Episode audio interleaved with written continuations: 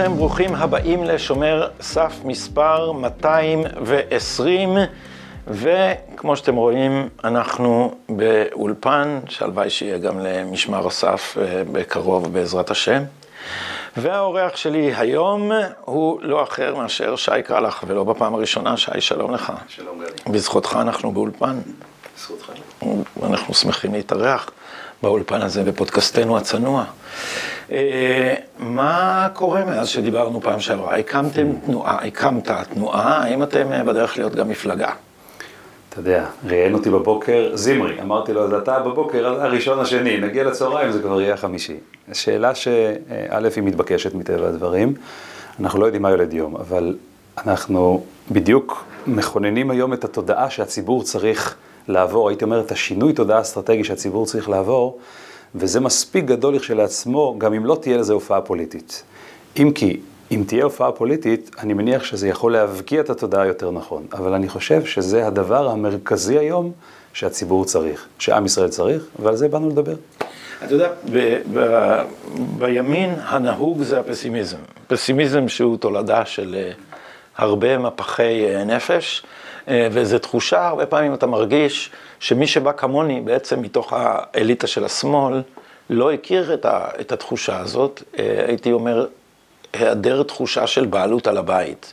כאילו, בעלי הבית זה תנועת העבודה שהקימו את זה, יורשיהם, האליטות הישנות של השמאל, השבט הנאור, האשכנזי ברובו, שיושב בכל אה, מוקדי הכוח, ואנחנו אורחים שצריכים להיזהר לא ללכלך את אני השטיח. חושב שהיטבת לתאר, אבל זאת הקומה הראשונה, ובסוף אתה לא אליטה כמוני, הכוונה, אתה לא דור תשיעי בארץ, לא גדלת בקיבוץ של יגאל אלון, וגם לא סיימת את קורס טיס, לא חלילה שבאתי לפגוע, ולכן... בענווה וברגליים כן, לא, יחפות. חלילה, לא כולה- לידר, רק מתוך המקום, רק מתוך המקום שבו הייתי, ודווקא מתוך זה נכון לספר את הסיפור. אני אתחיל איתך מסיפור קצר שקרה, נמנעתי מלספר אותו עד היום, היום אני כבר מספר אותו, ולאט לאט אנחנו גם נפעל אה, כדי לתקן את העוול. אני בשבוע הראשון של המלחמה, גויסתי בשמיני לאוקטובר, מגיע לשבת לבור של חיל האוויר, לתא השליטה שבו שירתתי, נכנס לתא, מפקד התא, שזה בדרך כלל, זה מילואימניק תמיד, השאלה אם תת-אלוף, אלוף משנה, מסמן לי ככה. מסמן לי לא. שואל אותו, מה זאת אומרת לא? אומר לי, אני לא מוכן שאתה תשרת תחת פיקודי כאשר אני מפקד תא. שאלתי אותו מדוע, אמר לי, גחמות אישיות שלי. אותו פרצוף כמו שיש לך גם היה לי, יצאתי החוצה, שתיתי קפה, חזרתי, שאלתי אותו, אתה מגרש אותי מסיבות פוליטיות? אמר לי, כן. טוב. יצאתי, רציתי לעלות לדבר, עליתי, המפקד ישן, זה שזימן אותי, אני עולה במעלית, אני פוגש תת-אלוף ששכל את ביתו לפני שנה. נפטרה בגיל 18, ניגשתי לנחם אותו לפני שנה לערך. אנחנו עולים יחד במעלית, מסתכל עליי, עדיין נותנים לך לעשות מילואים בחיל האוויר? אמרתי לו, ודאי. אני לא הייתי נותן לך, הוא אומר לי. הורדתי את הראש, השפלתי מבט והמשכתי. יומיים לאחר מכן מתקשר אליי ראש להק כוח אדם בחיל האוויר, מספר 4 בחיל האוויר, לבשר לי שאני נהייתי סדין אדום בחיל האוויר. יומיים אחרי זה אני מקבל טלפון מאותו מפקד שהזמין אותי, באכ"א הורו להוציא אותך ממערך המילואים.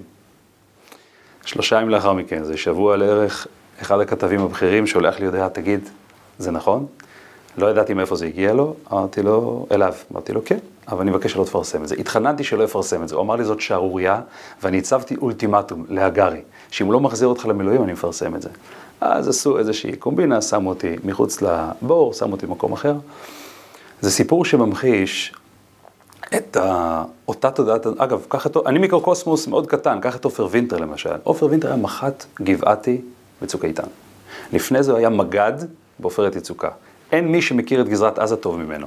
והוא ממודר ומודר היום, מכל מקום. הרי ראוי היה שישב לימינו של אלוף פיקוד דרום, של אה, מפקד האוגדה, איפשהו במטכ"ל, כלום, שום דבר.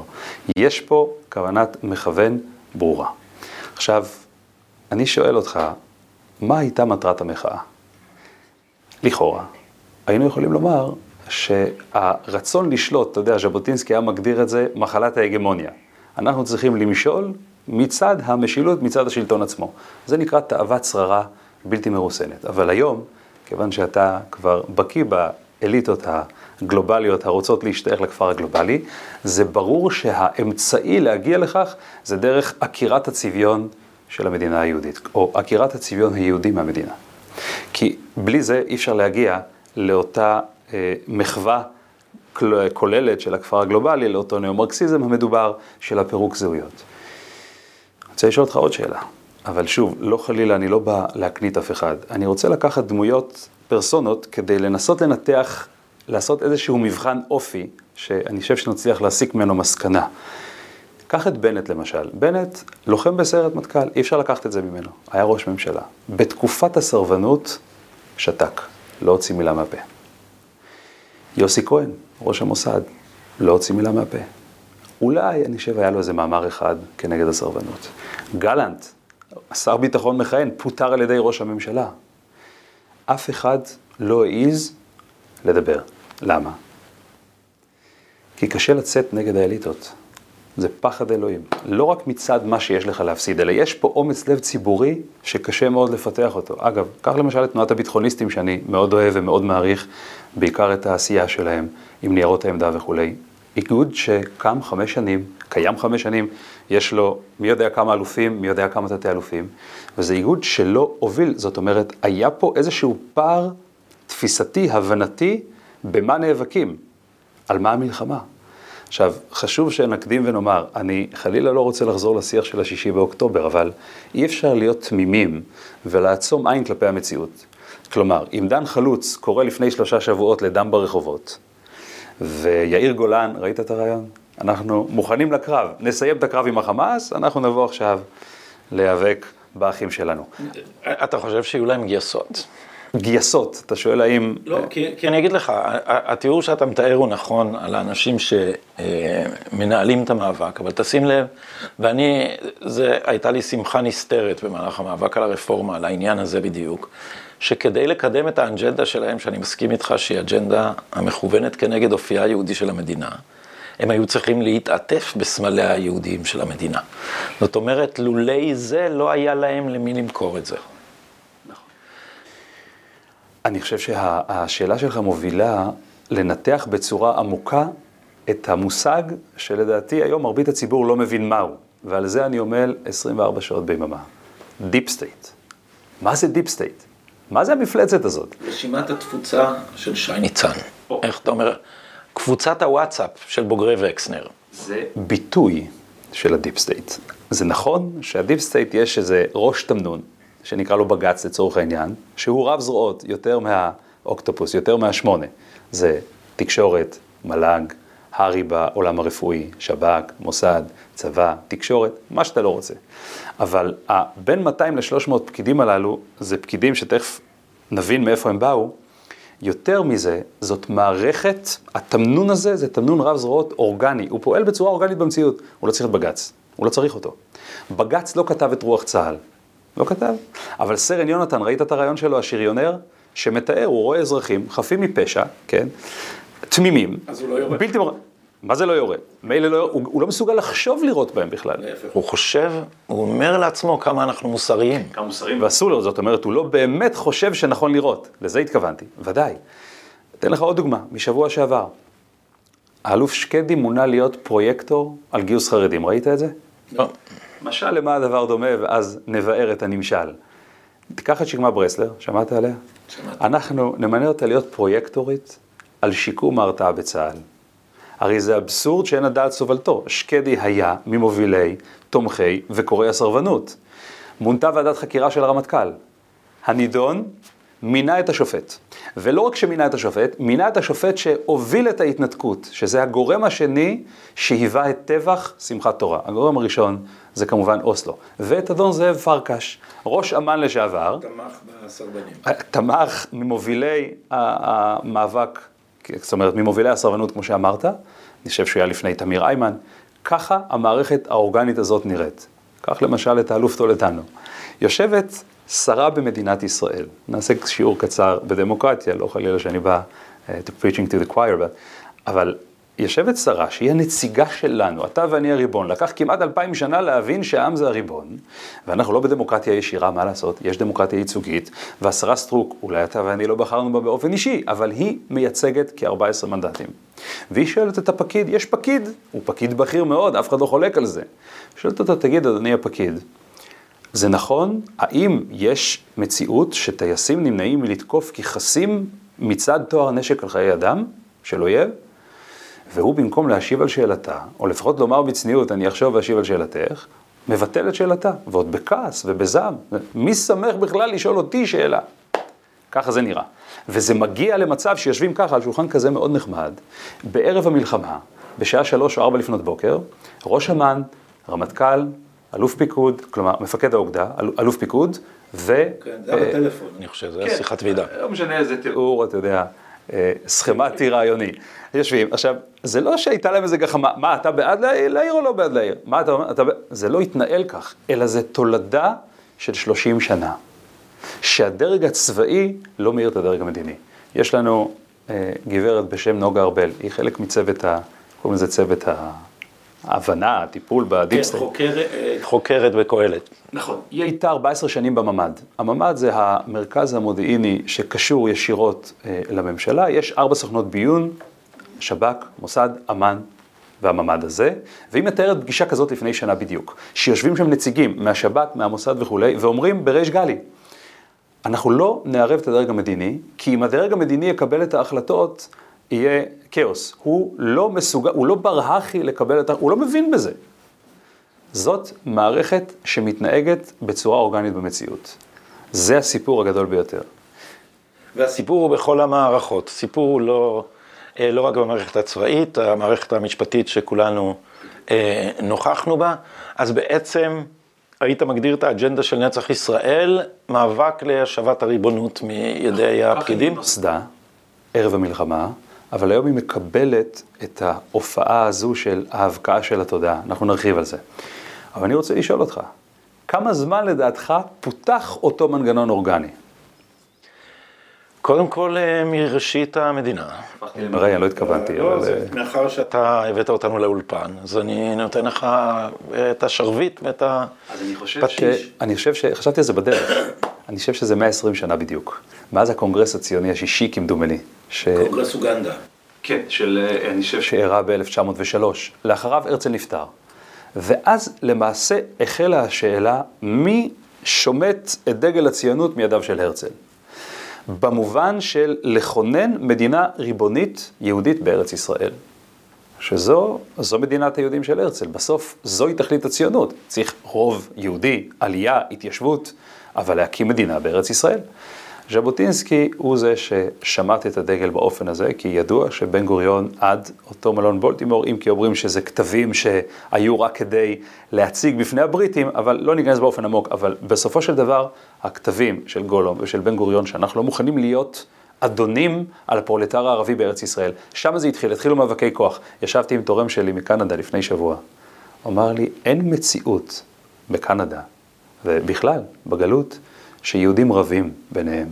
הרי כשאתה נוסע עכשיו, אתה טס שבוע הבא לחוץ לארץ, לארה"ב. כן, אבל זה לא נכון על יהודי ארה"ב. בקרב יהודי ארה"ב יש... אה, אז שם, זה עם ההתפתחות. שברים דומים לחברה האמריקאית. כן, נכון, אבל שוב, זה כתוצאה מהפרוגרס שמכה בשלושים שנה האחרונות. אבל כשאתה טס כישראלי לחוץ לארץ, אתה תמיד מחפש את הישראלי שלידך. אתה תמיד רוצה למצוא אותו. אז אותו מאבק, מ-1903, הקמת ההסתדרות, 1920, הרוויזיוניזם, 1923, אה, אתה הולך לפרשיית ארלוזרוב. אה, אגב, הרצח הראשון הפוליטי זה בעצם ההסגרה של נילי על ידי ארגון השומר. הם ניסו להוציא להורג את יוסף לישנסקי. זה לא הצליח, הוא אחר כך הוצא להורג בדמשק, אבל היה וזה, ממש... וזה אתה קושר ל deep state? לגמרי. עכשיו אתה תבין למה. כי אם אתה הולך עם השנים, אז אתה מקבל את פרשיית ארלוזרוב, ואחר כך את תקופת הסזון, ואחר כך את אלטלנה, ואתה מקבל שלטון נומנקלטורי עד המהפך. זה הסיפור, עם הפנקס האדום הנודע, סבא שלי תמיד היה קורא לו הנודע לשמצה. ואז זאת התקופה הראשונה של פיתוח האדנות. אגב, באופן מסוים, בצורה צודקת, תכף נסביר מה היא אליטה, אז אפשר יהיה להבין את התודעה השלטת הזאת, זה לא משהו שנעשה במכוון. רק אומר את שני השלבים הבאים ואז נחזור לזה. מה קרה בתשל"ז ב-77? חל מהפך. כלומר, כל ההבניה של התודעה השלטת הזו, היא פתאום קיבלה דרג שאיננו נבחר. ואז התחילה להיווצר הפקידוקרטיה. לכן התיאור הזה אה, הוא, הוא בעייתי, מפני שכל עוד הייתה הגמוניה של תנועה נבחרת, שהתנהגה, צריך לזכור וצריך לעשות הנחות מסוימות אה, לאור העובדה שהיישוב התנהל באופן וולונטרי. אומרת, רוב הפעולות לא היו כאלה, הם התנהלו ללא ריבונות. השאלה היא מתי התחילה להתחזק הפקידות, אפשר לקחת את, ה, אה, את התיאור שלך לעליית הפקידוקרטיה, ואפשר לומר, נגיד יחד עם אבי בראלי, מחקרים שלו משותפים עם, עם אורי כהן, שהמבנה up של הדמוקרטיה הישראלית, שראשיתו כמובן בקונגרס הציוני של הרצל, המבנה הזה השתנה בשנות החמישים, שמחיר העליות ההמוניות היה אה, החלשת הסניפים ו- וכוח הפעולה של הדמוקרטיה מלמטה, והחלפתה במודל top אה, down. אפשר להתווכח על כל אלה, אבל, אבל אי אפשר להתווכח, אני חושב, על העובדה שב-77, כשההגמוניה של תנועת העבודה עבדה, האליטות של התקופה הזאת לא השלימו עם הדבר. ואת זה אני... את זה אני לחלוטין, אבל למה אני מתאר, אני תוחה, מה שהזכרת בשנות ה-50 זה הופעה מסוימת. אני מדבר על תקופה שבעצם החלה להתפתח, אגב, 1903, הקונגרס הציוני השישי, זה בדיוק תחילת ימי העלייה השנייה. זה בדיוק אותם אלה. שהקימו את ארגון השומר, בר גיורא לפני, 1907, 1909 ארגון השומר, בסדר, לאחר מכן. אתה לא הולך קצת רחוק בשביל לא, להסביר את ה deep state? לא, כי אתה צריך להבין, אתה אומר, טוב, ב-77 מהפך, מה קורה במהפך? אנחנו לא נבחרים יותר. אז אם כן, צריך לאיין את תוצאות הבחירות. איך מאיינים אותם? פקידוקרטיה, יועמ"שית, יועצים ובג"ץ. אבל כל זה נוצר כתוצאה מאותה תודעת אדנות שהתחילה להתפתח אז. וזה עבד במשך... אבל מה שאתה קורא לו, שי, תודעת אדנות, הוא תודעת הריבונות היהודית. לכן אי אפשר בכזאת קלות לזהות אותה עכשיו עם הכוחות הבעייתיים, מכיוון שהאנשים האלה ייסדו הרי מה מפעלו של הרצל. הרצל עשה פוליטיזציה של ההמונים היהודים על ידי מס השקל ומתן האפשרות לבחור את הנציגים שלהם. הרי הציונות הייתה דמוקרטיה לפני שהייתה מדינה. היה לנו פרלמנט. לפני שהייתה לנו אה, מדינה. זה, זה, זה מפעלו של הרצל, ואחר כך ממשיכיו החשובים, ביניהם כמובן, אה, בראש ובראשונה, דוד בן גוריון, אנשים שניסחו את מגילת העצמאות, הרי מה, מהי האדנות הזאת? זו זכותו הטבעית של העם היהודי להיות ככל עם ועם, עומד ברשות עצמו במדינתו הריבונית. זה ודאי. עומד ברשות זה עצמו. זה ודאי, אני מדבר על הפנים מחני בתוך עם ישראל, אני לא מדבר כ... עם שעולה לפוליטיקה העולמית ביחס לאומות העולם. לא זה ש... ברור. אני לא, רוצה ש... אני לא רוצה שנהפוך את זה לוויכוח העיקרי, אבל הטרנספורמציה שהפכה את היהודים לאדונים על גורלם, כל עוד היא התנהלה באמצעים דמוקרטיים, והיא התנהלה, היא דבר אחד. המסקנה של האליטה מההפסד בבחירות היא דבר אחר, וחוסר נכונותה בעצם להשלים עם הרעיון הדמוקרטי של העברת השלטון. אז, אז, בר... אז לכן הרגע הדרמטי הוא, זאת הפרידה. עכשיו מונח, מונח הפתרון, מונחת התשובה. בבקשה. כי אתה אומר, הם לא, לא הסכימו עם מעבר השלטון, כלומר, הם השלטון. על זה אני מדבר, אני לא מדבר על זה שעם ישראל עכשיו שם לארצו אל הפוליטיקה העולמית. אלא מה? הייתה תודעת שלטון שהתפתחה מאותם שנים, עד המהפך.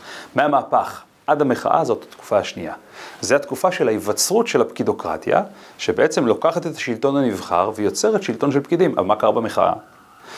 באה רפורמה משפטית, שאגב, נעשתה בעיניי מהר מדי, חזק מדי ובלי הסברה, בצורה לא נכונה. ככה לא מעבירים ת...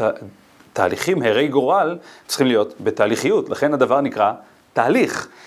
ובאותה שנה הם הרגישו שאי אפשר יותר להישאר דיפ. צריך להיות קצת יותר shallow, מה שנקרא. צריך, לה... אין ברירה. כי אם אתה עכשיו לא מופיע את קבוצות הכוח, כוח קפלן, אחים לנשק, פורום 555, זאת ההופעה. למה הם לא הופיעו בצורה כזאת לפני 3-4 שנים? כי כל זמן שאפשר היה להישאר מתחת לרדאר, אתה יודע, אתה טסת, כמה טיסות טסת בראשוני? בטח 70 גיחות. לא, אני לא חושב שהגעתי על 70 גיחות. כשאתה בא... אצלי אני סופר הקאות, אתה יודע, כי כל פיר אטיקטי לחוד. אתה רוצה לתקוף את ה-SA, את ה-Surface Air Missiles, את הטילים נגד אוויר, אז אתה קודם כל טס מתחת לרדאר, אבל מתישהו אתה חייב לטוס מעל הרדאר כדי להפציץ את הרדאר עצמו. אז אותו דבר, פה בתקופת... אתה עושה את התנועות כשאתה מסביר? כל כך הרבה תחקירים. יפים של רן פקר עם הידיים. זה טבוע ב... סליחה. אה, מכל מקום, זה מה שקרה בשנה האחרונה. לא הייתה ברירה. הם היו חייבים לעלות מתחת לפני, לפני השטח. בדיוק. לכן, זה אלו שלושת התקופות. ומה שקרה, מה זה שלושת התקופות? עכשיו רק תחזור. אני אומר, מ-1903 עד המהפך, המהפך, או, היו תקופה. חייבים לעבור את השלטון עד תקופת המחאה, להעביר את השלטון, ובתקופת המחאה כבר אי אפשר היה להישאר מתחת לרדאר גם לתקופה השלישית. שזה מוביל אותנו עכשיו לתקופה בה אנחנו נמצאים. כל זה היה הקדמה, אנחנו נמצאים עכשיו בחילופי אליטות. חילופי אליטות, כי מה זה אליטה? אליטה, אין אליט, זה כוח מוביל, בונה, משרת באומה. רק אסבר לך את האוזן, כן? הקיבוצניקים במלחמת ששת הימים היו 25% מכלל ההרוגים, היו כ-800 הרוגים, 780 אני זוכר נכון, 3% מתוכם מהחברה בישראל היו קיבוצניקים, אפילו לא 3%. תחשוב, זה אחוזים שהם יותר גבוהים היום מהרוגים בחרבות ברזל. עכשיו, לא אני עורך את ההשוואות, אלא אותה אליטה, היום שמעתי משווים לפני כמה ימים, בין הרוגי בית השיטה במלחמת יום כיפור להרוגי נופלי עלי במלחמה.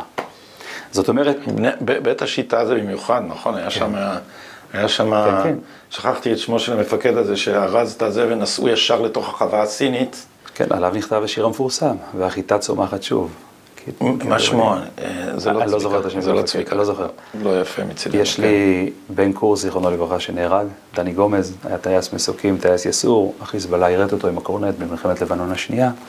באחת האזכרות, אחותו אמרה, בעל כורחנו נכנסנו למועדון היוקרתי ביותר במדינת ישראל. זאת אומרת, יש פה באמת איזשהו מאבק על היוקרה. אז זה כוח משרת ומוביל, אגב, זה כבר מסביר טוב יותר מהי התודעה השלטת שהתפתחה ברבות השנים, עד המהפך. אימא שלי באה לקיבוץ, ההורים שלי באו ב-76 לקיבוץ. התחתנו בגיל 18, באו לקיבוץ, גיל 20, אחרי המהפך, היא עבדה בחדר האוכל. והיא שמעה את אחת הזקנות שעבדה לידה, אם אנחנו נתפוס את מי שהצביע בגין, אנחנו נסלק אותו מהקיבוץ. אז אימא שלי ואבא שלי היו מארבעה היחידים שהצביעו בגין. זאת אומרת, זה מהבית, שי. כן, עכשיו תכף נספר, אל תדאג, אנחנו... אה, חשבתי שעברת איזו התפכחות, אבל בסך הכל חזרת בתשובה ואל המקורות. זה התהליך. הצבעת באמצע שמאל. זה חלק, תכף אספר לך איפה הייתי עם השמאל. אמ, מה שאני רוצה לומר, אז זה דור של חילופי האליטות. האליטה היא כוח מוביל ומשרת ובונה באומה, ומה קרה בשנה האחרונה? טסו מעל הרדאר, נכון? האליטה, כלומר, הכוח המשרת הזה ויתר מרצון על הפריבילגיה, על הזכות לשרת את עם ישראל. זה מה שהם אמרו, אנחנו לא נתקוף באיראן. אתה יודע שזה לא, אני, אני לא רוצה להפריע את הרצף, אבל אני אעיר הערת אה, שוליים. בטח. והוא, אתה יודע, לפני שהתחלתי לכתוב בהארץ, אה, כתבתי על הארץ מאמר שנקרא ישראליות היא לא אנחנו. אה, זה לא אני נתתי את הכותרת, זה במבי שלג, זיכרונה לברכה, בכתב העת ארץ אחרת. והטענה שם הייתה שהאליטה הישנה של מפא"י, התכוונתי לאבא שלי בין השאר, אני כמובן לא, לא זה מה ש... לא רק לאבא שלי. אה, האליטה הזאת בנתה את זהותה ותודעתה העצמית על שירות. האליטה החדשה בונה את זהותה על ניכור, זה הרבה לפני הרפורמה. היא בונה את זהותה על התבדלות מהישראלים. מפני שהיא רוצה, מפני שהיא מגדירה את עצמה, עוד לא השתמשתי במונח גלובליזם, בטח לא ניידים ונייחים, אבל היא מגדירה את עצמה על ידי שלילת האחר, והאחר הוא ההמון הישראלי, שהוא קודם כל מזרחי, שנית הוא דתי, שלישית הוא אה, ימני ולאומי, בעוד שהשאיפות של האליטה הזאת בול. הן קוסמופוליטיות. ולכן המשוואה שלך צריכה להיות, בעיניי לפחות, המילה אליטיזם במובן החיובי שלו, הוא לא יכול לדור בכפיפה אחת עם המילה ניכור. כי ברגע שאותו כוח מוביל מתנכר לזהות שלו, שזה בדיוק מה שקורה, לשם רציתי להוביל, אז הוא כבר לא יכול להיות אליטה, זה בדיוק מה שקורה. אתה יודע, יש מושג שנקרא ירידת הדורות. אני חושב שפעם אמרתי לך, ירידת הדורות בחוכמה. אתה לא תמצא, תלך עכשיו ברחוב, לא תמצא את הרמב"ם. אין, אין יותר רמב"ם. לא קיים, גם לא רבי יהודה הלוי ולא רבי שלמה אבן גבירול. אבל החוכמה מתפשטת בעם ישראל, בכלל עם ישראל. היום הציבור הוא יותר חכם. פעם הי- הייתה בערות, אם כי בעם ישראל הכי פחות, בוודאי היו מלומדים, אבל עדיין, החוכמה הולכת ומתפשטת. אותו דבר היום, המושג אליטיזם, בעבר היה מרוכז בעיקר בקיבוצים, אבל היום, כפי שהיטבת להגדיר, זה בציבור המסורתי ובציבור הפריפריאלי, המזרחי, חובש הכיפה. אתה יודע, יחיאל לייטר, ששכל את בנו, משה, השם ייקום דמו, סיפר לי שכשנקשו על דלתם, הייתה להם רק שאלה אחת. מי מבין שבעת הבנים והחתנים נפל? זאת הייתה השאלה. זאת אותה אליטה משרתת. עכשיו, אותה אליטה מנוכרת לזהות שלה, היא נאחזת בקרנות המזבח. זה מה שהיא מנסה לעשות, והמאבק, וה, שוב, אנחנו לא באים להיאבק באחים, זה אחים טועים, אבל אנחנו חייבים לאזן את המציאות, להוות תנגודת, כדי שהיא תהיה בריאה. אנחנו נדבר על זה. התחלתי את שיחתנו בשאלה של האופטימיות, ולזה אה, כיוונתי. רבים בימין, שרגילים לפסימיות, כפי שאמרתי, אומרים, תשמעו, אין, הכוח אצלם, בסוף הכוח אצלם. הפסדנו במאבק הזה תבוסה צורבת, לא נשאר ממנו זכר, ולא רק זה, הם העצימו את כוחם. את השארית האחרונה של הרפורמה, הם ניצלו לא רק כדי לבטל, אלא כדי גם לקחת את הסמכות המכוננת מהכנסת. זאת אומרת, אומרים חבריי הפסימיים, אנחנו צריכים להשלים עם התפוסה, אנחנו חזרנו להיות נתינים. ואילו בדבריך, שלא לומר במאור פניך, שי, וחיוכך, אה, לא ניכרת אה, תחושת אה, תבוסה. נכון. א', לא גודלתי כך, וב', אני ב-20 שנים האחרונות למעשה פיתחתי את העולם הרעיוני הגותי שלי, שהוביל אותי, תראה, אני שילמתי, אני איבדתי חברים במובן של קשרים, סולקתי מחיל האוויר. בסדר? אבל לי לא היה את השיקול האם לקום ולהיאבק בסרבנות יחד עם חבריי. זה לא היה שיקול, לא הייתה דילמה בכלל. אז אם אנחנו מבינים שיש פה תודעת אדנות שלטת, לכן הפתרון, גדי, הוא לא רק לקצוץ את הזרועות של התמנון. זה נכון שצריך לאייש אנשים, אבל זה לא עיקר. אתה יודע, באנו חושך לגרש, ככה אנחנו שרים לילדים, בידינו מקלות ואבנים. אור ואש, נכון. כלומר, אתה לא מסלק חושך עם מקל ואבן. אתה יודע, עכשיו אני שומע ב, ב, בחדשות, אי אפשר לנצח את החמאס. למה אי אפשר לנצח את החמאס? משום שהחמאס הוא רעיון. איך אפשר לנצח רעיון? ואני כל כך שמח בליבי, שסוף סוף מבינים שהחמאס הוא רעיון. אז כדי לנצח את החמאס ואת כל צבאות הטרור הללו, אתה צריך לפתח רעיון נגדי. אתה צריך לפתח את הזהות הלאומית-יהודית שלך כדי שתוכל להביס את החמאס. אחרת אתה רק תנסה להילחם עם טנקים, זה לא יעבוד. אבל השקפתך על הזהות הלאומית-יהודית. היא מבית מדרשו של הרב צבי יהודה, מבית מדרשו של הרב טאו, אה, והאליטה שאתה מתאר, העולה, הצצה בדבריך בדרכים שונות, זה האליטה של הציונות הדתית. האם הציונות הדתית תעבור מאיך היה הדימוי אז, מהמשגיח כשרות בקרון המסעדה, לנהוג בקטר, האם זה החזון שאתה רואה? אה, לא הייתי מגדיר את זה כציונות דתית, אלא הייתי מגדיר את זה ציבור מסורתי, פריפריאלי, מזרחי, והציונות הדתית. אני אגב... אז קודם כל הציבורים האלה, בוא, בוא קודם כל נשים על השולחן. אבל זה חלק מהפתרון. אבל הרבה מהמוסדות של הציונות הדתית, דווקא נמצאה בהם הפרדה יותר גסה של מזרחים מאשר בציבור החילוני.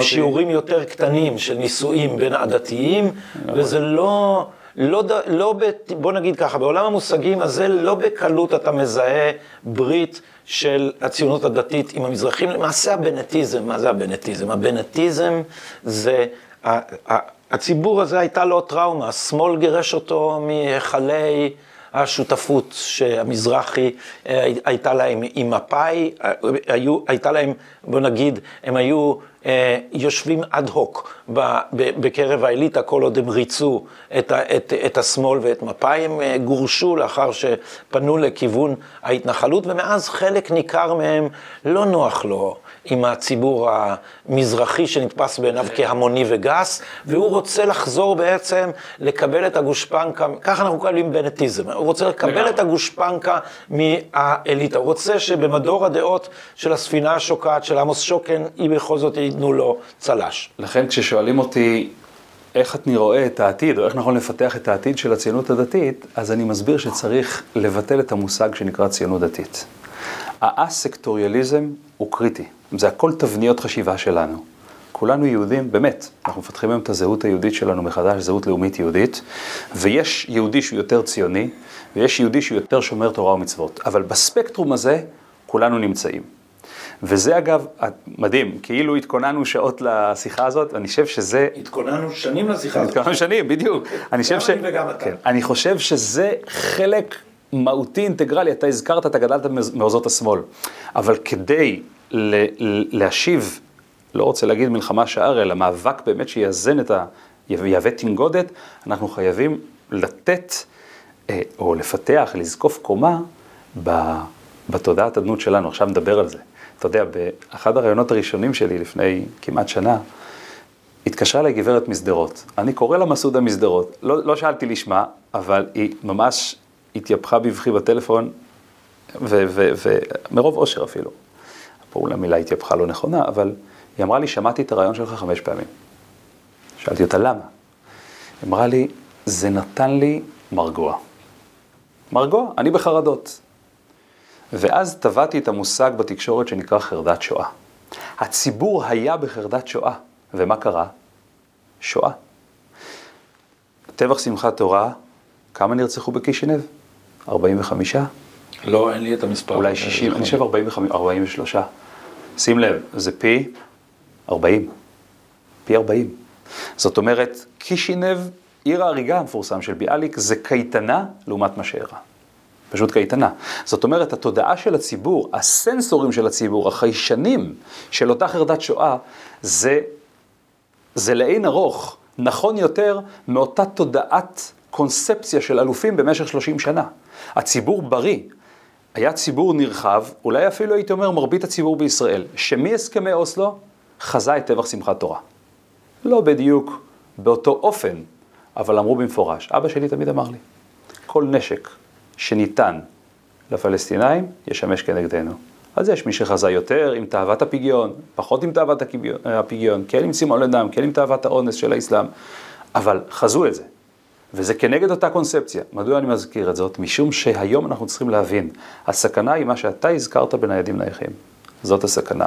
אנחנו לא מתעוררים היום, עוד 20 שנה אנחנו יכולים לקבל פה ביטול של חוק השבות, מדינת כל אזרחיה ואיזשהו פרלמנט לא ברור. זאת הסכנה. אז אמרנו, אי אפשר לטפל בחושך באמצעות מקלות ואבנים, צריך אור. והאור הזה זה תודעה. והתודעה הזאת היא מחולקת לשלושה שלבים. אתה הזכרת את השהייה שלך בשמאל, זה פיתח אצלך סגולות, גם אצל עבדך הנאמן. אבל יש לזה שלושה שלבים שצריך להזכיר אותם. השלב הראשון זה בעצם פיתוח מודל זהות לאומית יהודית מצד עצמו. כמו שעם ישראל היום הולך ומגבש. זה מה שקורה במלחמה, לא יעזור. אני אמרתי את זה גם לפני המלחמה. אני אספר לך בקצרה על עצמי, אף על פי שכבר הכרנו, אבל אולי למאזינים שלא הכירו, אני ממש אזכיר כמה נקודות ציון. אני גדלתי בקיבוץ גנוסר. אני דור תשיעי בארץ, לרב שמואל הלר, קיבוץ גנוסר זה קיבוצו של יגאל אלון, הוא הקים את הקיבוץ. ואני גדלתי במציאות מאוד אמביוולנטית, משתי סיבות. האחת, הסבא שלי גדל כחרדי עד גיל 13. וכחלק מהתהליך שעבר על עם ישראל, הם הורידו את הכיפה, הם היו לוחמים באצ"ל, סבא היה צעיר האחים, היה מדביק כרוזים, אבל אח של סבא ישב בלטרון, אסירי המחתרות, רב אריה לוין, אבא לבקר אותו, והוגלה לאריתריאה לשנה וארבעה חודשים. אחות של סבא ישבה במעצר נשים בבית לחם. ואני זוכר מדי לילות שבת, היינו נוסעים לסבא לעשות קידוש. או שהיינו נשארים בחדר האוכל, אבל הרבה, הרבה פעמים היינו נוסעים לעשות קידוש, ממש כמעט כל שבוע, ואחר כך חוזרים לשחק עם הילדים, בגן הבנים זה נקרא, ליד אה, חדר האוכל. אה, אני זוכר ימי כיפור, שהייתי לוקח את הטרקטור, נוסע עם החברים, אתה יודע, נוהגים כמובן בלי רישיון, נוסעים לשטחים, עושים על האש, ואני זוכר שני ימי כיפור עם סבא, כשאני לשמאלו, וסבא עטוף בטלית, מהלך כל יום כיפור, ואני מביט פה בהשתאות בל תתואר. ושוהה איתו כל התפילות בבית הכנסת. כך היה פעמיים.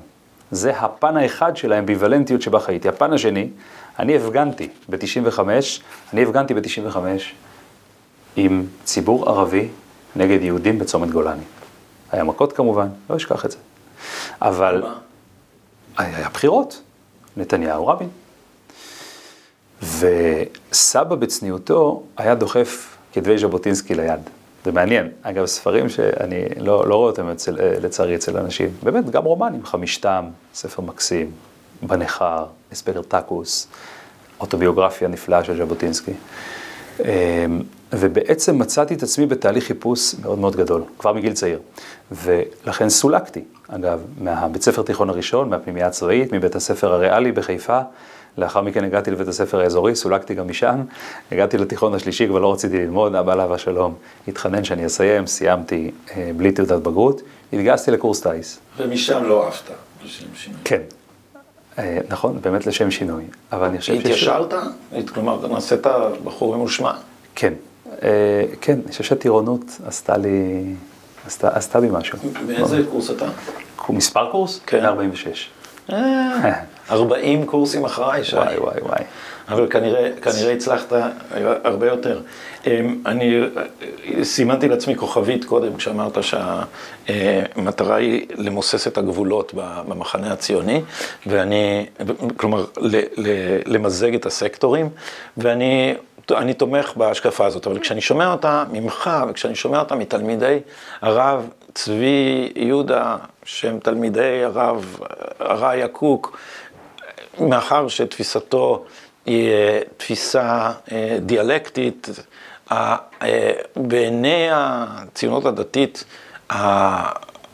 אני אגיד, ההשקפה המקורית היא שהמיזוג הזה יהיה תחת כנפיה של הציונות הדתית. זאת אומרת שאחדות הניגודים הזאת, הרי, הרי ב, ב, בסינתזה הגדולה של הרב קוק ותלמידיו, ישנו, אני אשתמש בלשונו של רביצקי, ישנו החלוץ הציוני ששומע את הקריאה לעלות לארץ ישראל, אבל אינו יודע מי קורא לו, ומצד שני נמצאים החרדים שיודעים מי קורא, אבל אינם שומעים את תוכן הקריאה, וכך הישן יתחדש והחדש יתקדש, אבל הסינתזה תהיה בסופו של דבר הציונות הדתית. זאת אומרת, אני שואל אותך עכשיו בתור חילוני חשדן, בתור חילוני חששן, האם בעצם מאחורי דבריך יש איזו קואופטציה שמניחה לא דו-קיום בהרמוניה, אלא בעצם שאני אה, תינוק שנשבע ואני מיד אה, אתאושש ואראה את האור. שאלה מדהימה ומתבקשת. אני חושב שהתשובה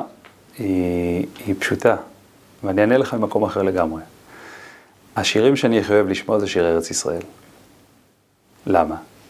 כי כשאומה נולדת מחדש, אחרי אלפיים שנות גלות וקמה לתחייה, זה חלק מהתחייה התרבותית שלה.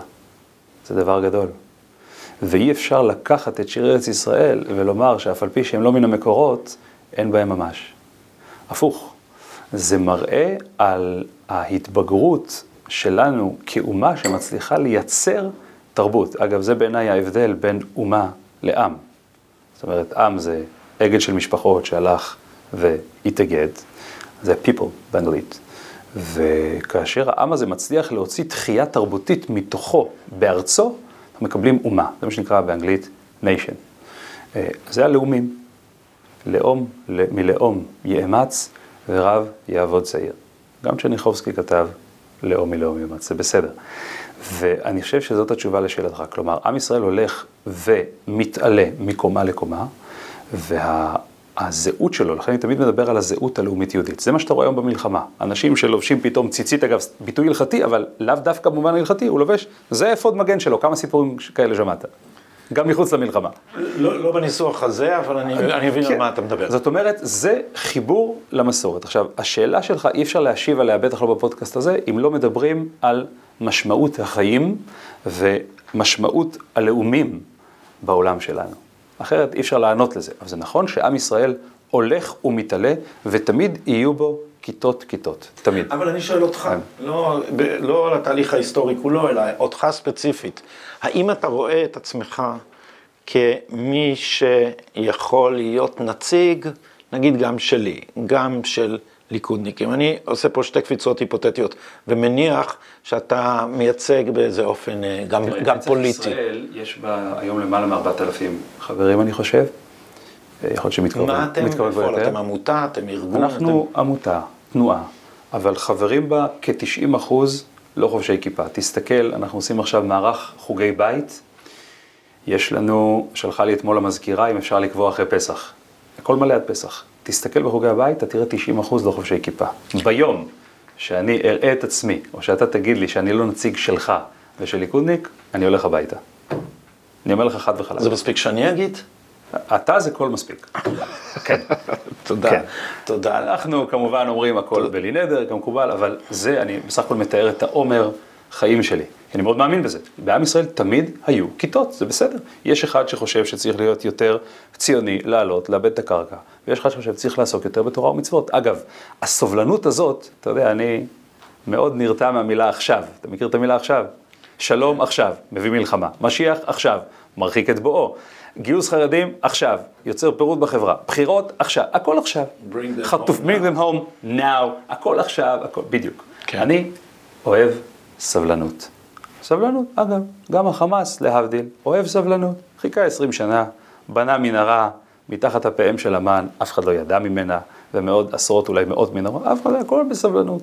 כך צריך. וגם כלפי, אני חוזר לנושא ברשותך, גם כלפי פיתוח התודעה שתהווה את התנגודת, אנחנו צריכים סבלנות. זה פעם שלישית שאתה אומר תנגודת, אני חייב לומר לך שעד היום לא שמעתי את המילה הזאת, אלא מפיך. העברית היא דבר גמיש. אגב. יכול להיות שאני טועה בעברית, לא, לא לא, תשמע, אין דבר כזה, זה- מאחר שמבינים איך זה עובד מבחינת הבניין. לדעתי, גם אם אתה טבעת את המילה הזאת, היא תעבוד, הרי זה יופייה של העברית. אפשר אה, ללוש אותה בהרבה אופנים ולמתוח אותה להרבה בקיצור, אפשרויות. אני- אני חוזר אבל אני- אקח לתשומת ליבי את התנגודת. תגיד, בוא, לפני שאנחנו, לפני שאנחנו מסיימים ויורדים מגובה עשרת אלפים, לא, עשרת אלפים זה בקטנה, שלושים אלף רגל, ארבעים אלף רגל, מתי צריך חליפת לחץ? כן, אגב, גובה נמוך זה הכי כיף, חליפת לחץ מעל 50. מעל 50. אז לפני שאנחנו יורדים מ-60 אלף רגל, פה ל... אה, בוא נחזור לחיל אוויר.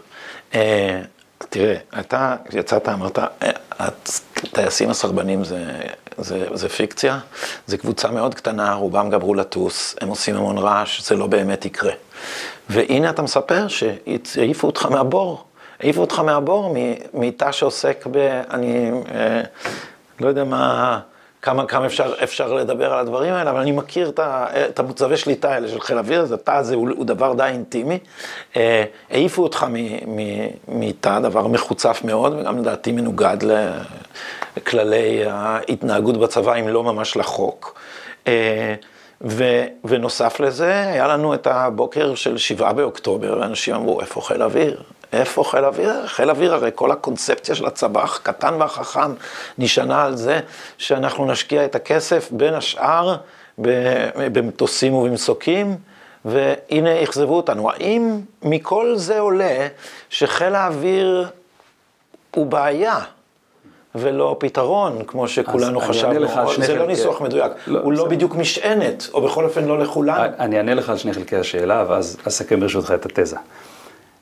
ראשית כל, בשאלתך, הצגת למעשה את מה שאני טוען.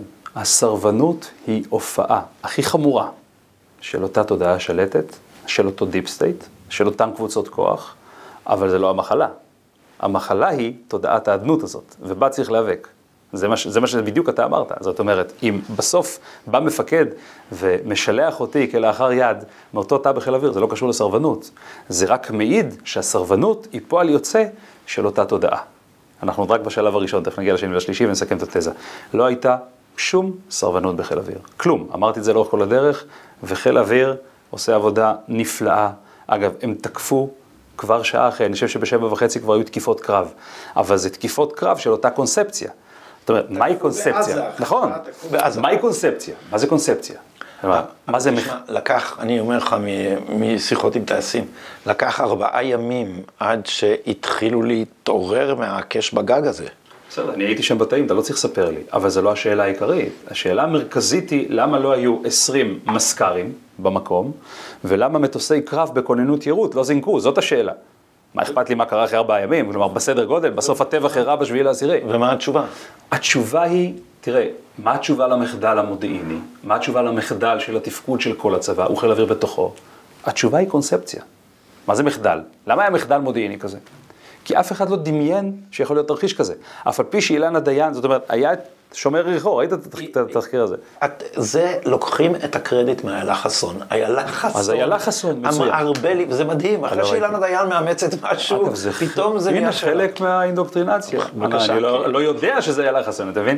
אבל זה בדיוק העניין. זאת אומרת, הקונספציה היא כל כך גדולה, היה צריך בסך הכל לשים מזכ"רים בבסיס פלמחים, כמה דקות טיסה למזכ"ר מעזה, ובבסיס חצרים, אותו דבר. והיה צריך להזניק את כוננות היירוט. כוננות יירוט יודעת יפה צליפה. בדיוק, יאפי צליפה או לפתוח מבער בגובה נמוך, אבל אף אחד לא חשב על זה. תחשוב, יושבת, יושבת משפחת קלמנזון, ששקלה את, את אה, נשב, אחד- את, את- את אחד מבניה. אה, אלחנן. אלחנן. כן, מנחם. והם נוסעים אה, לחלץ פצועים, והיו עוד משפחות כאלה, הם אזרחים, שומרי שבת. יושב לך טייס בטייסת עם ג'יסות, אתה מכיר את הכוננות קירות, הטורסו תלוי, הגזה תלויה, הוא בסך הכל צריך לעלות למטוס, שים JSF, להתניע, זהו. לא... ותוך שבע דקות להיות שם. עכשיו הוא טס בגובה נמוך, פותח מבער, מבהיל את כולם, נותן תמונת מודיעין לבור, עושה יעפי צליפה, עוצר את האירוע בחצי, אולי, שני מטוסים בחצי. מסיימים דלק, באים עוד שני מטוסים. אתה יודע איזה פחד זה לראות מטוס קרב צולף עליך? לכן אני אומר, זו שאלה של קונספציה, ופה תרשה לי לחזור לתזה כדי שנבין אותה. אני לא בטוח שאני מבין מה התשובה. למה זה לא קרה? למה זה לא קרה? כי לא הבינו מה קורה. כי לא ביום כיפור, קרב. אתה מכיר את הסיפור ברפידים של שקי ונחומי? ויבין ו... באו מיגים להפציץ את הבסיס. עכשיו, אף אחד לא אמר להם, היו על המטוס, זינקו, המריאו, איך שהם המריאו, תקפו את הבסיס, אי אפשר היה לנחות יותר. ולהמריא. והפילו שבעה מיגים. זאת אומרת, היצירתיות, ונחתו איפה? אני חושב, נחתו בסוס אחר, אני חושב, כן. אבל היצירתיות זה אחד הדברים שנפגע לאורך השנים הללו. כי אתה רוצה להיות by the book. אתה רוצה להיות, זה חלק מהתרבות הקונספטואלית הזאת. זה חלק בלתי נפרד ממנה. לכן בוא תרשה לי לחזור לעוד שני סעיפים בפיתוח התודעה וגמרנו. כי אין דרך אחרת. אז קודם כל חייבים לפתח את אותו מודל זהות. הסיפור שלי הוא, הוא מיקרוקוסמוס בעיניי, של החברה הישראלית, אמרתי את זה עוד לפני המלחמה, היום ביתר שאת, כל אחד יעשה מה שהוא רוצה, אחד ילך ללמוד תורה כמה שנים, אחד ישמור שבת, אחד ישמור כשרות, אחד יגיד שהוא יותר מתחבר לזהות היהודית שלו מהכתבים א', ב', ג', ד', כלפי השאלה ששאלת מקודם. זה בסדר. אבל אם אתה לא עושה את זה, מה קורה? אתה נהיה חלק מאותה מערכת אורגנית, בעל כורכך, גם אם לא עברת הכשרה בקרן וקסנר. אספר לך סיפור, לפני הסרבנות, לפני המאבק, כתבתי ספר, כתבתי 25 אלף מילים. והצער הכי גדול שלי שעוד לא סיימתי את הספר, אני מקווה שעכשיו יהיה לי פנאי ונחת ושלוות נפש לשוב ולכתוב אותו. אבל שלחתי אותו למאה חברים בחיל אוויר. אחד מהם הולך להיות, אחד המועמדים להיות מפקד חיל אוויר. היה מפקד בסיס מאוד חשוב דאז. הוא אמר לי, שי, אני לא קורא ספרים 15 שנים, בשבילך אני אקרא. אתה מבין מה קורה? הוא 15 שנים לא קורא ספרים. תכלית שיבת ציון לא מבוררת לו, כלומר, הוא טייס קרב, מועמד להיות מפקד חיל אוויר, ואני לא בטוח שהוא מבין לגמרי מהי תכלית שיבת ציון, אז יש קצת ריק בלב. מי חודר? קרן וקסנר. מחדירה אינפוזיה של פרוגרס, פוסט מודרנה, עד אותו ניאו-מרקסיזם, שמרקס כמובן דיבר בסוף המניפסט עם אנגלס, לפרק, פועלי כל העולם התאחדו. אז היום זה גלובלי, או ניידי, איך אתה קורא לזה? ניידי כל העולם התאחדו, ככה הייתי מגדיר. לכן השלב הראשון הוא מוכרח, אם אתה לא עובר אותו, אתה לא יכול להגיע לשלב השני, כי אתה נהיה חלק מהפרוגרס. מה זה השלב השני? השלב השני זה באמת להיות מודע לבעיה. אני אקרא לזה לאומיות. אז עכשיו הנחת את הזהות הלאומית מדהים. בתור, בתור מדהים. חלק שתיים. והשלב השני- לא, אני, אני פשוט רוצה לקרוא לא, לזה לא, במושג. מצוין. שבעולמי... לגמרי, אני איתך. אינו מחייב משהו מבחוץ. לגמרי. בשבילי, כן. בסדר גמור, אוקיי. אני מבין, מבין לחלוטין. אם לא, כי אם. אתה שמרן אמיתי, אז אתה מבין שאתה חייב ללכת אחורה. זאת אומרת, גם ברק לא אמר לך, תתחיל מפה. נכון. אומר לך, תסתכל אחורה. איפה אתה הולך אחורה? בסדר, לא ניכנס לוויכוח הזה עכשיו. אני רק אציין בהערת כוכבית, שזה שאדם חילוני לא אומר שהוא מתנער מהמסורת, הרי דוד בן גוריון היה חילוני מיליטנטי, ובכל זאת בעיניו התנ"ך היה נכון, יסוד הכל. ולא התנער מהמסורת. כן. מצוין. כן, כן. נכון, מדהים. והשלב השני זה בעצם ההבהרה של המציאות. אם אתה לא מפתח את המודל, אתה נהיה חלק מהפרוגרס, ואז אתה לא יכול להבין בכלל מה קורה כאן, מה זה אותו תמנון רב זרועות. ולכן הקמתי את נצח ישראל. מה נצח ישראל עשתה? בעצם לקחנו, יש לנו את כ-100 טייסים, יש קבוצה של כ-500 רופאים, כ-400 אקדמאים, ובעצם התחלנו למפות את הסיבות לאונס בכל מקום. כי, אתה יודע, שאדם יגיד על עצמו שהוא היה אנוס, זה קושי מצד עצמו. ואתה נכנס לספירלת השתיקה, מהי ספירלת השתיקה? קודם כל אתה שותק, להם יש תקציבים מיליארד דולר או מיליארד שקל ומעלה על המחאה. אתה כל הזמן רואה סקרים, אתה רואה בטלוויזיה, אתה רואה, אתה חושב, אתה חייב לשתוק. עכשיו זה שלידך, הוא גם שותק, ואתה מתחיל לחשוב שאתה מטומטם, למה? כי אותו מיעוט חי בתודעת רוב, אז הם יודעים, אז אני לא בסדר שלא חושב כמוהו, אני צריך להתחיל לחשוב כמוהו. זה השלב השני, ממנו צריך לצאת, לפתח את האומץ. השלב השלישי, והוא הכי חשוב, והוא למעשה פיתוח תודעת אדנות לזהות הלאומית-יהודית שאתה מפתח.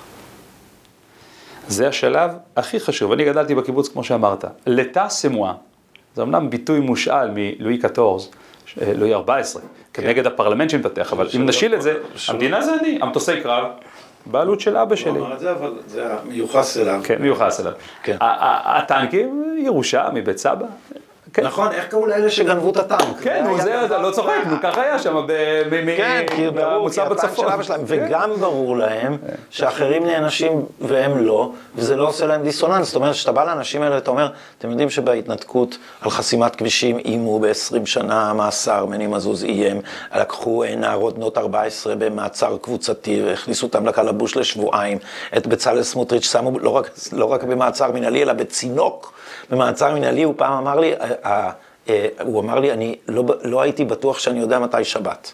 למה עושים, למה עושים? עכשיו, הדבר הזה הוא לא אה, מעורר אה, דיסוננס אצלם, מפני שברור להם ש, שלבעלי הבית יש יחס אחר, כמו שברור להורים שלהם ולילד אין אותו מעמד. בוודאי, זה בעלות. על הבית.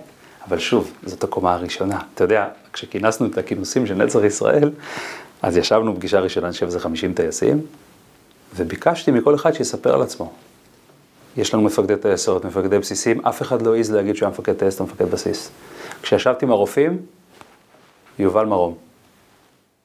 מה אתה? דוקטור, למה? מנהל מחלקה, יש לנו את דוקטור גלעד יהלום, מנהל מחלקה נאורדיולוגית בשערי צדק. אני גלעד יהלום. אבל בצד השני, זה תמיד שופט בדימוס, תוקף בכור בעיראק בדימוס, וככה זה נראה, זאת אומרת, זה באמת תודעת אדנות. לא יודע אם יצא לך לראות, לא יכול את הרעיון עם נמרוד שפר. אתה יודע, ברגע שאנחנו... שאתה כן? שאני איתו, בדיבייט. אז עכשיו בחור בית בנתניה, מישהי אמרה לי, אני כשראיתי אותך, זה נתן לי אומץ. אומץ, אנחנו צריכים את האומץ הזה. אבל לאור כל השיחה שלנו, אנחנו צריכים להבין שהתודעת הדנות הזאת, היא צריכה להיות כלפי הזהות הלאומית-יהודית שלנו. וזה בדיוק הספר שאתה כתבת. כלומר, ה... צריך להבין, מה, מה זה כל קמפיין ההדתה הזה?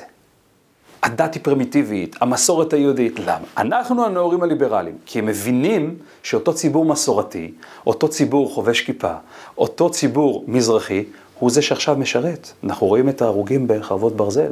לא, הם בעיקר חושבים שהציבור הזה במספרים מנצח אותם דמוגרפית, ולכן צריך לבצר את הערכים שלהם. עכשיו ה- הפד החדש שלהם זה חוקה. לעשות חוקה כדי לקבע עכשיו את הערכים הליברליים שהם מאמינים בהם, מפני ההמון החשוך שבעיניהם הוא באמת אבל חשוב. הקיבוצניקים לא ניצחו דמוגרפית במלחמת ששת הימים, אבל עדיין 25% הרוגים היו קיבוצניקים.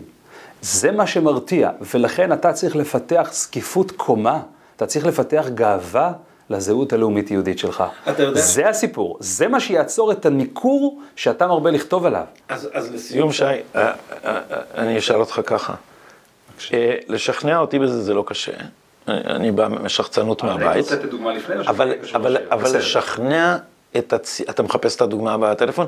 אז, אותה, אז ה- השאלה אם אתה מתקשה או לא, לשכנע בזה את הציונות הדתית. מפני שהציונות הדתית, עוד משחר נעוריה, פוזלת בעינה האחת אל החרדים, שהם יותר דתיים ממנה, ופוזלת בעינה השנייה אל החלוצים, שהם יותר שזופים ממנה, ויש לה רגש נחיתות מובנה יחד עם תסביך עליונות. זאת אומרת, מצד אחד היא הסינתזה שתאחד את כולם, מצד שני היא לא מספיק טובה בשני התחומים.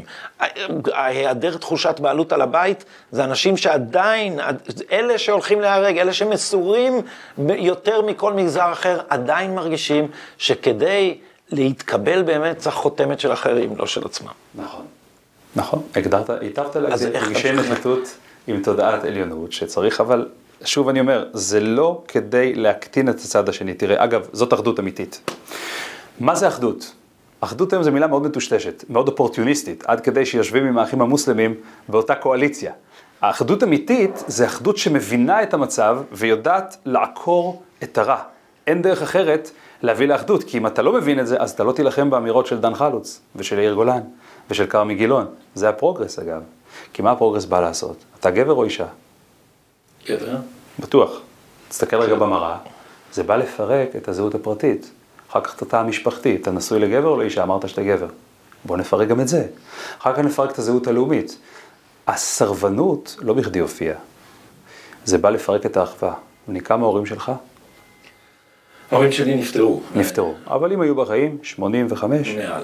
מעל. למה שלא ילכו לתקוף בעזה, או לשרת בעזה? הסרבנות היסוד שלה זה האחווה. ולכן היא הופיעה, היא באה לפרק את האחווה בינינו. למה צריך את אותה אחדות? אני, כלפי השאלה שאתה אמרת על אותה ציונות דתית, הציבור החרדי והציבור החילוני, כי אני אומר לך, כמי שגדל בקיבוץ, ואחר כך שירת כטייס קרב, כעשור כטייס מבצעי, ולאחר מכן עד היום בתאים של חיל האוויר, ולמד 12 שנים בבית המדרש, אני יכול להגיד לך שבכל חברה יש מעלות שצריך לקחת. אם אתה לא לומד להכיל ולהקשיב, אתה לא תדע, זה הזהות המתכללת. מה עושים בבני ברק? זה הזהות המשמרת. עושים בדיוק מה שעשה הגר"א לפני 250 שנה, או אברהם אבינו לפני 3,500 שנה. מה עושים בתל אביב? זה הזהות המתפרצת. מפתחים את העתיד, צופים פני עתיד. מה צריך לעשות? צריך לתכלל את הזהויות, ואז אפשר יהיה, זה הזהות המתכללת, ואז אפשר יהיה לצאת למלחמה גם בלי שבא עלינו טבח כזה. עכשיו אני אתן לך דוגמה קלאסית שתסביר את כל מה שאמרתי. זה הפיתוח של התודעת אדנות לזהות הלאומית. אתה זוכר את מכתב הטכנאים? לא, אני זוכר את הטכנאי של... הטכנאי, ואחר כך כתבתי את מכתב הטכנאים, שעצר את הגל הראשון של הסרבנות. כך השר לוין אמר, ונתניהו, כשנפגשתי איתו, כשהציעו לי להיות ראש מטה ההסברה, שיבח ביתר שאת. למה, למה מכתב הטכנאים עצר את הגל הראשון של הסרבנות? עצרו טיסות בחיל האוויר, שיחות עם כל אגף הטכני. אתה יודע מי זה גיא פורן, הסנצ'ו פנצ'ו הזה של... 555. כן, הוא ראש 555, סנצ'ו פנצ'ו של אהוד ברק. עכשיו הייתי בתחילת הדרך, שנצח ישראל עוד לא הוקמה אפילו, זה היה השלב הראשון, היא עוד לא הוקמה. והיה לנו שתולים שלהם בקבוצות, תבין, תוך חצי שעה חתמו איזה מאה טכנאים. כותב לי כך, הם היו בחרדות שהמכתב הזה הולך להתפרסם, ידעו שזה יעצור את זה. שי, אתה מדבר איתי שבועיים על ריסוק חיל האוויר ואתה עומד מאחורי מעשה הנבלה המכוער והמסית הזה. להסית אנשי צוות קרקע מול צוות אוויר? אין לך אלוהים. מי זה? גיא פורן. אז זה גיא פורן. כן, הנה. צפה למתקפת נגד. תעשה לי צילום מסך כן. של הדבר הזה. אגב, אתה לא רק משיחי ומסית, אתה גם טיפש. לשלוח הודעה כזאת שברור שתגיע אלינו. עכשיו, מה אתה רואה כאן? לזטאז', אתה יודע על המעמדות במהפכה הצרפתית, האליטה, היא תמיד בנויה על חלוקה למעמדות. לקחתי את המעמד האהוב של הטכנאים, שמוגדר לצערי נחות, ושיוויתי לו מעמד של טייסים. וזה מה ששבר. לכן כל הזמן דיברתי על התנגודת. למה הוועדה של הרמטכ"ל הוקפאה, אתה יודע? אחת הסיבות זה כי יהושע שני, האב השכול, שנאם אצלי בכנס לפני שלושה שבועות, שלח מכתב, כתב מכתב, צירפתי לזה את משה מורנו ואת אייל בוצחק. מי אלה? הורים שכולים. שלמעשה עשינו ממש קמפיין תקשורתי, וזה עשה סערה. חיים באר, מדוע התנצל? כי יהושע שני אמר לו שהנחמה שלו, והוא לא יסלח לו, עד שלא יתנצל באופן ציבורי. זאת התנגודת שצריך לעבוד. הם אחים שלנו, הם אחים טועים. אבל עד שלא נהווה את אותו מאבק שיהווה תנגודת, אי אפשר יהיה להביא למערכת בריאה. וזה מה שימנע את השואה הבאה. כי השואה הבאה יכולה להתחיל מעוד ישיבה שמחליטים לא להעיר את ראש הממשלה. זה לא קשור לכמה טנקים יש לך. זה גם קשור לכמה טנקים יש לך, ומן הראוי נכון, נכון. שאת הדבר הזה, את הקונספציה הזאת, אה, נתקן ולא נשפוך את כל הכסף, כפי שעכשיו נדמה לי שעושים עוד פעם על חיל האוויר. שלוש טייסות עוד, עוד, כן, עוד, אתה יודע, זה, אני, אה, תרשה לי הערה לסיום, אני לא, לא אהבתי את חיל האוויר גם כששירתי בו, זה תמיד היה בו את הדבר השחצני הזה. אני מאוד אוהב את חיל האוויר. של, אני לא- אני לא שותף לזה. אני, אני אגיד לך למה, כי אני הייתי, אתה יודע, היית בקורס, היינו באותו בסיס בקורס. יש שש, שבע דרגות של חדרי אוכל. מ... לא שבע, אבל... שבע, בוא אה, נספור. בח- בחצרים. בוא נספור. בחצרים כן. ספציפית, יש- לא, אל תיקח חצר גדול. יש, יש חדר אוכל כן. רב"טים, יש חדר אוכל סמלים, יש חדר אוכל נגדים, חדר אוכל קצינים, חדר אוכל צוות אוויר, חדר אוכל צוות... אה, פרחי טיס, לכן אמרתי שם. לא, אבל יש גם קצינים בכירים. יש, אז אה, עכשיו ספרתי, הצלחתי רק שישה, יכול להיות לא, ששכחתי. אבל אתה מבין שנוטעים בך לגמרי. את, התחושה המעמדית הזאת. ובאמת המכונאי, הוא מרגיש שהוא משרת את האצולה. אה, הדבר הזה... הוא לא, זה, זה מנוגד לרוח המקורית של צה"ל. נכון. ל- השיחה הראשונה שהעבירה לנו מפקד טייסת הלמ"ק, לימודי הקרקע, אתם האליטה של מדינת ישראל. שפרן זה היה? לא, כבר לא, לא, כבר לא שפרן, שפרן אבל... אה, שפרן, כן. כן, היה- כולם, היה כולם מורה. עברו את זה שהוא היה, הוא נכנס לכיתה, הוא אמר לנו, אני הלכתי ללמוד אווירונאוטיקה, כי רציתי להבין איך יכול להיות שג'מבו ממריא. ועכשיו הבנתי, זה לא יכול להיות. מדהים. מפקד לימודי קרקע. אבל אני רק רוצה להגיד לך, הטייסים, אבל תראה כמה יוצאים, תסתכל, תסתכל איפה הטייסים, תסתכל איפה הטייסים בפוליטיקה, תסתכל איזה חולדאים כאלה. אבל הטייסים הם לא סירבו פקודה, ואני חושב אחד ה... היו שניים, שלושה אולי בכל טייסת, שגם ככה היו לפני גיל הפסקת הטיסות המבצעיות. מי שעשה את זה זה היח"צ. כן, אבל. בטייסת 69 קרה דבר חמור מאוד, והאנשים האלה היו צריכים ללכת הביתה. זה מה שהיה צריך לעשות. נכון. גם במחיר של פגיעה מסוימת בכשירות של... איך, איך, איך תוליך אותם הביתה? תקצוץ את הזרועות של התמנון? לא. אתה חייב לפתח את התודעה התדנות הזאת, אחרת בכלל לא יהיה את האומץ אבל- לעשות את אבל. קודם כל, הדבר המ- המקומי, מאחר, אה, על בסיס היכרותי עם טייסים, השניים הראשונים היו צריכים להיות מקורקעים, ולא להתקרב אבל מה- ל-F-15. אני לא מצליח להבין, אבל מה אתה רוצה? אז אם, שר הביטחון ממנה את שקדי להיות פרויקטור לגיוס חרדים, מה אתה מתפלא שמפקד חיל האוויר מוציא אותם מטיסה מבצעית ומחזיר אותם יומיים אחרי זה? אותו שר ביטחון מינה את תמיר היימן. נכון. ראש ל- שמוכר לנו עכשיו את המדינה הפלסטינית, אותו הוא מינה לצוות היום שאחרי. זה ממש הנציגות של ממשל ביידן, לא הנציגות שלנו. שי, יכולנו להמשיך את השיחה הזאת, עוד היא הייתה מרתקת. לכבוד ולעונג, נוסיף ונשחח ונעקוב אחרי אה, נצח ישראל. אני אוכל להגיד שהכרתי אתכם כשהייתם קטנים. תודה רבה. תודה רבה לך. כל מה שאתה עושה. תודה. תודה רבה.